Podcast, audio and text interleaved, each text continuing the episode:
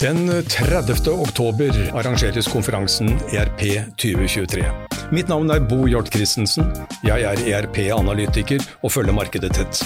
Jeg har invitert 13 partnere og produsenter til en samtale i form av en podkastserie. Da har jeg gleden av å ønske velkommen til denne podkasten, som vi kanskje kunne kalle en ERP-cast, som vi lager i forbindelse med det forestående seminaret ERP 2023 som går av stabelen om ikke så altfor lang tid, 30. oktober.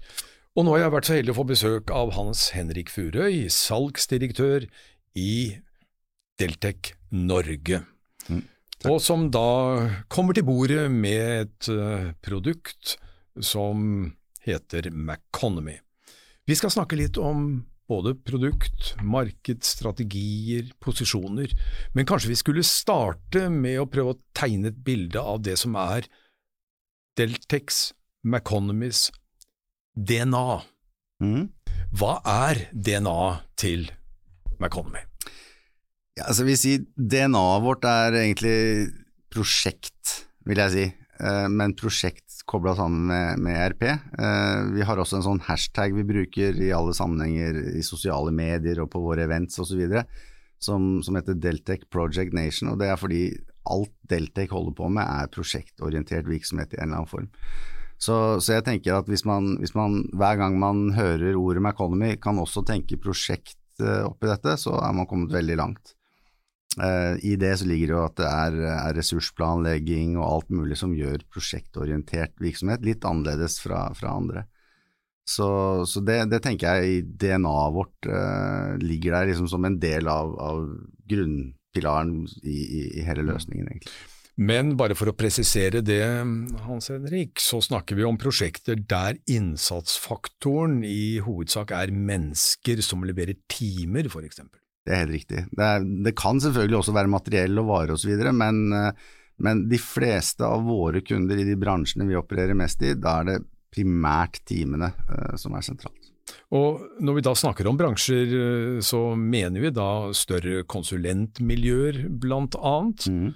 Forskningsmiljøer blant annet, med mm. Sintef som en av de store fremskutte kundene. Ja, det er riktig. Uh, og, og masse advokater har vi som kunder. Ja, selvfølgelig. Advokater er jo så, noen som skriver timer. Ja, veldig. Mm. Har, har, jeg forstått. Skriver mange timer. Mm. Uh, nei, det, det, er altså riktig. Og så har vi en del, uh, vi har en del uh, not for profit, eller NGOs, eller hva man kaller det også. Mm. En del institutter. Så i disse klimadager så har vi jo f.eks. Cicero, og vi har NGI som kunder, som er virksomheter man gjerne hører litt om i media om dagen. Så det er en del ulike typer, men som du sier, de fører alle timer. Det er hovedinnsatsfaktoren. Men så er det jo slik da at et uh, konsept, en plattform som Economy, lever jo mm. aldri helt alene. Nei. Det er alltid noe rundt mm. som man må forholde seg til. Og da har jeg merket meg at dere kommer til markedet med en integrasjonsplattform, mm. som dere kaller for Union Point. Ja. Og det klinger veldig godt i mine ører, mm. fordi jeg snakker veldig mye om integrasjonsplattformer og kommer ja. til å bruke tid på akkurat det Mm. poenget på, på, min konferanse. Si litt om hva som bringer dere inn i den strategien. Nei, vi, vi ser jo, som, som, du er inne på, at det, det, finnes jo ikke en eneste leveranse vi gjør hvor det ikke også er en eller annen form for annen programvare involvert. Mm. Uh, vi, vi, dekker jo veldig mye av kjerneprosessene for virksomhetene vi leverer til. Mm. Men det er jo en del, eh, kall det gjerne best of breed, da, eller spesialiserte løsninger for enkelte av prosessene som vi ikke ser det hensiktsmessig at vi skal dekke, mm. eh, fordi det er så mye annet bra der ute i markedet. Eh, eksempler på det kan f.eks. være e-faktura, altså alt som håndteres av både inngående og utgående elektronisk faktura. Der er vi gjerne kobla på med en tredjeparts programvare hver gang. Eh, vi har ikke lønn i Maconomy heller, så det er et annet eksempel på en tredjeparts programvare som vi, vi alltid må integrere til. Mm. Og Det kan man jo gjøre med, med punkt-til-punkt-integrasjoner eh, direkte, eh, men vi ser jo nytten av at man har en mer robust løsning for dette i bånn, og da, da, har vi valgt å, å gå dit og ha egen integrasjonsplattform. Mm. Vi har tatt inn riktignok en ferdig eh, standard der ute fra noe som heter Workato, som vi brander oss som, som, eh, Union Point hos oss. Eh, og med det kobler våre løsninger, ikke bare med Economy, men andre produkter vi har i Deltec også, inn til Union Point, så at de bare kan connectes direkte til alt som allerede fra, fra Vercato-siden er, er, laget for, for, dette. Så vi ser jo nå at uh, de fleste av de prosessene vi er i og vil være i framover, vil ha mye integrasjonselementer i seg, og da ser vi det som en veldig fin anledning til å tilby Union Point som kanskje en ny integrasjonsplattform for de kundene vi, vi får der. Og bare for eh, å opplyse mm, lytteren om det, så mener jo jeg at det er mange gode motiver for å ta inn en integrasjonsplattform. Eh, jeg synes jo det viktigste er å tenke risiko og sårbarhet, nemlig å monitorere og ha kontroll mm. på administrasjonen av integrasjonene. For integrasjoner kan feile, kan ja, ikke si det sånn? De kan det. Mm. Og jeg er helt enig med deg. Eh, dette her gir en helt annen basis for å følge opp, se på det, monitorere. Mm. Det er også sånn at uh, Unipoint er et low code, no code-verktøy som gjør faktisk mulig for kundene selv å administrere dette. Mm. Uh, så dersom de finner ut etter en stund at de trenger en endring på noe, altså et nytt felt som skal med osv., så, videre, så skal de i utgangspunktet selv kunne gjøre det, uten å trenge å trenge, trekke inn konsulenter fra oss for å gjøre jobben. Og så kan jeg jo legge til at selv om det er vi som selger Juniorpoint inn og ferdig kobla til Maconomy f.eks. og andre produkter, så er jo kunden også fritt til å koble egne ikke-Deltec-relaterte mm. produkter sammen med samme verktøy. Mm. Så de kjøper seg en plattform til bruk for alt, egentlig. Nettopp. Det er en plattform som i prinsippet er agnostisk i forhold til hvilke komponenter som skal knyttes sammen. Ja, det er ikke noe eksklusivt som krever at man må ha Maconomy i bakkant. Overhodet ikke. Nei, mm. de kan gjøre hva de vil. Uh, Maconomy er jo i utgangspunktet et dansk produkt, mm. hvis jeg ikke husker feil. Det er riktig. Uh, men har jo en ganske god, skal vi si, uh, europeisk utbredelse. Mm. I veldig mange ganske store virksomheter i Enterprise-segmentet.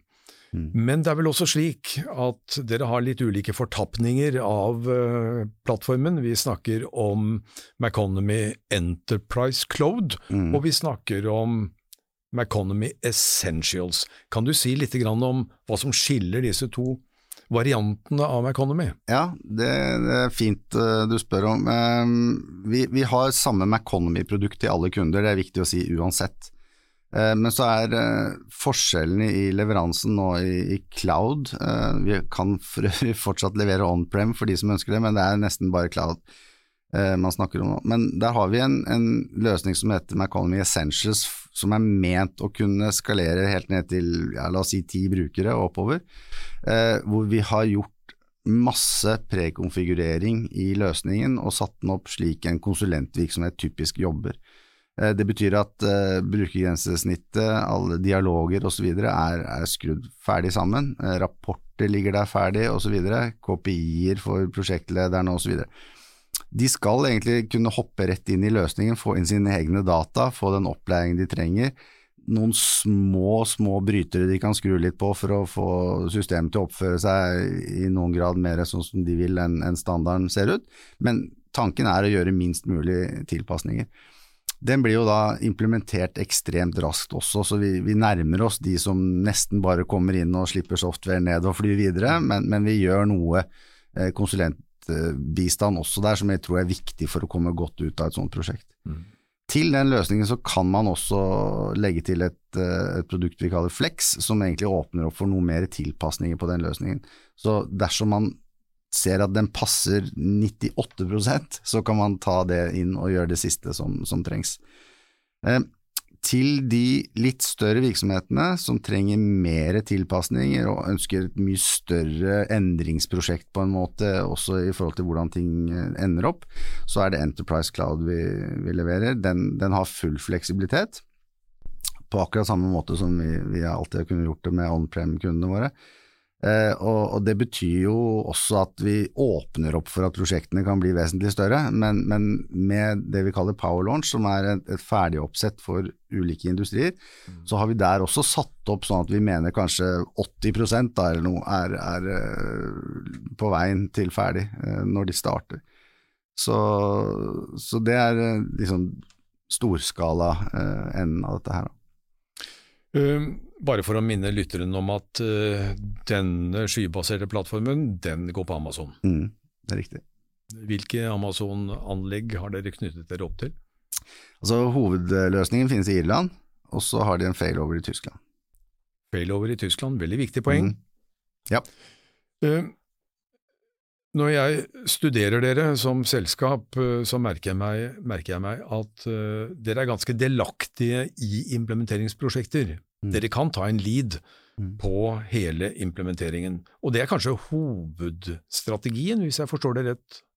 Ja, altså vi er kanskje en av de få ERP-leverandørene igjen som gjør det meste selv. Uh, vi har en, en, partnerstrategi også.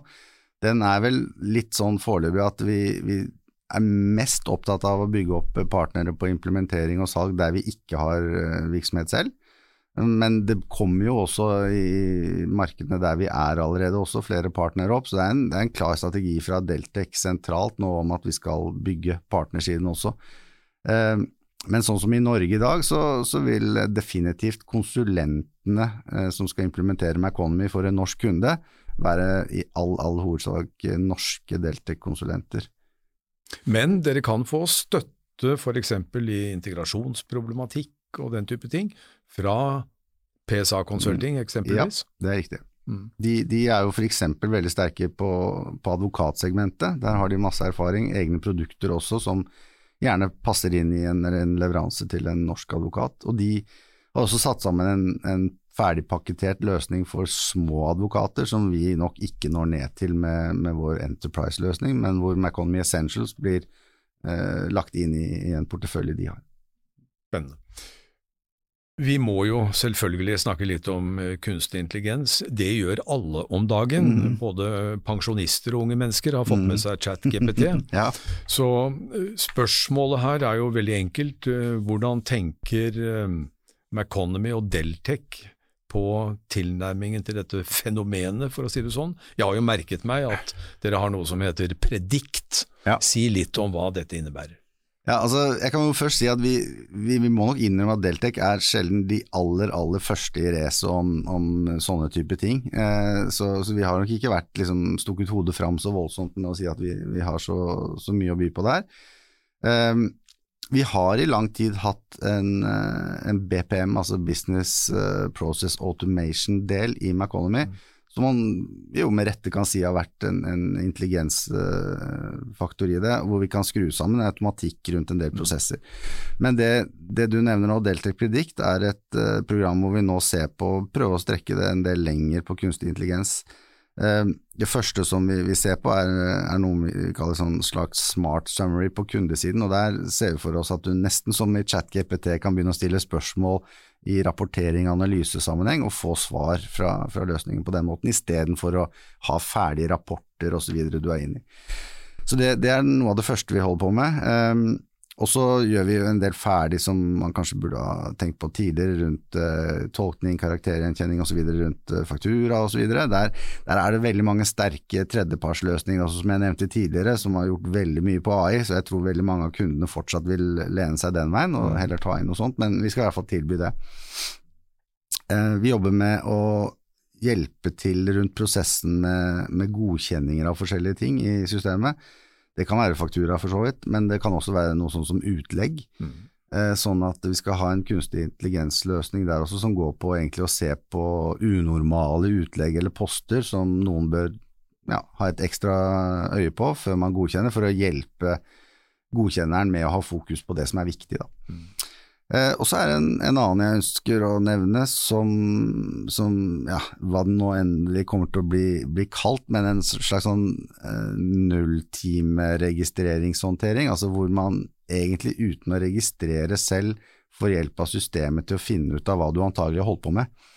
Eh, den kan hente data fra kalendere, den kan hente data fra Teams f.eks. hvis du har holdt på der med noe. Eh, den kan egentlig skrape litt fra mail osv. Tanken er da at den skal kunne komme opp med et forslag til deg og si at dette ser ut som du har holdt på med siste uken, eh, stemmer det, eller bør du justere noe på det før du leverer timecellen? Så egentlig, Jeg synes det er et veldig godt eksempel på hvor vi har valgt å fokusere på noe som er veldig sentrisk for løsningen vår. Mm. Og så tror jeg en del AI skal få lov fortsatt å være en best of breed-ting som en del andre leverandører skal fortsette å holde på med, så skal vi heller integrere til det gjennom, gjennom Union Point. Som f.eks. Eh, fakturahåndtering. Da. Ja, når vi snakker om fakturahåndtering, så tenker jeg jo eh, kanskje først og fremst på produktene Semine og Probell, yes. som jo er veldig AI-tunge produkter. Ja. Og hvis ikke jeg husker rett feil, så har jo dere laget, og er, har vært og er i prosjekter hvor Propell bl.a. er ja en del av leveransen. Det er helt riktig, og, der, der, tenker jeg at det er, ikke noe, det er ikke noe stort poeng for oss å prøve å skulle bli bedre enn de på det. Mm. Uh, så jeg tror vi skal la de være best på mm. akkurat den biten, og så heller være gode på å integrere. Mm. Og det er helt riktig, de har vi integrert med begge to, og, vi fortsetter det. Hvis vi ser litt inn i glasskulen og ser litt fremover, eh, hva, som, hva kan vi forvente oss fra Deltek i nærmeste fremtid, eller kanskje i litt fjernere fremtid også? Ja, altså Hvis vi ser veldig kort på hva som kommer, så, så er det aller aller første vi gjør, er å, å bli 100 web på alle deler av systemet. Eh, kan noen si at det har, har man vært før også. Eh, vi har jo kunnet tilby eh, egentlig alle brukergrenseflater på en eller annen måte ut dit, men vi har gjort en mye mye større jobb nå på å gjøre den smart da, på en måte. Så, så man får liksom fra backoffice-siden også økonomi satt sammen eh, workspaces, som vi kaller det, på en måte som gjør at det, du slipper å drive og bytte masse vinduer for å holde på med, med en del kjerneprosesser, og, og, ser alt på en elegant måte i en, i en browser. Så det er veldig sånn kort sikt produktutviklingen. Uh, på litt lengre sikt så, så vil jeg så liksom, Hovedtrekkene vil fortsatt bare alltid være at vi skal passe på at vi til enhver tid utvikler funksjonalitet som bransjen vår etterspør. Mm. Eh, allerede neste uke nå så har vi et møte hvor vi samler alle advokatkundene våre til et sånt legal event som, som vi arrangerer, hvor vi inviterer partnere eh, osv. Inn, inn for å, å, samhandle rundt den praksisen. Mm. Hva er det vi tilbyr i dag, hva er det de ser kunne blitt bedre, hva kan partnere eventuelt bidra med osv. Så, videre. så hele økosystemet rundt en advokatvirksomhet tar vi opp der. Mm. Så på den måten prøver vi å utvikle ut fra et kundeståsted og høre på de, og, og ta produktet videre på den måten. Så kanskje man kan oppsummere og si at målet er å bli enda bedre på det man allerede er god på? Det syns jeg er en god oppsummering, definitivt. Helt klart. Supert. Da sier jeg tusen takk for at du stilte opp på denne podkasten, og jeg gleder meg til eh, eventet den 30. oktober, hvor vi skal bore dypere ned i materien, bokstavelig talt. Takk skal du ha, Hans Henrik. Takk for at jeg fikk komme.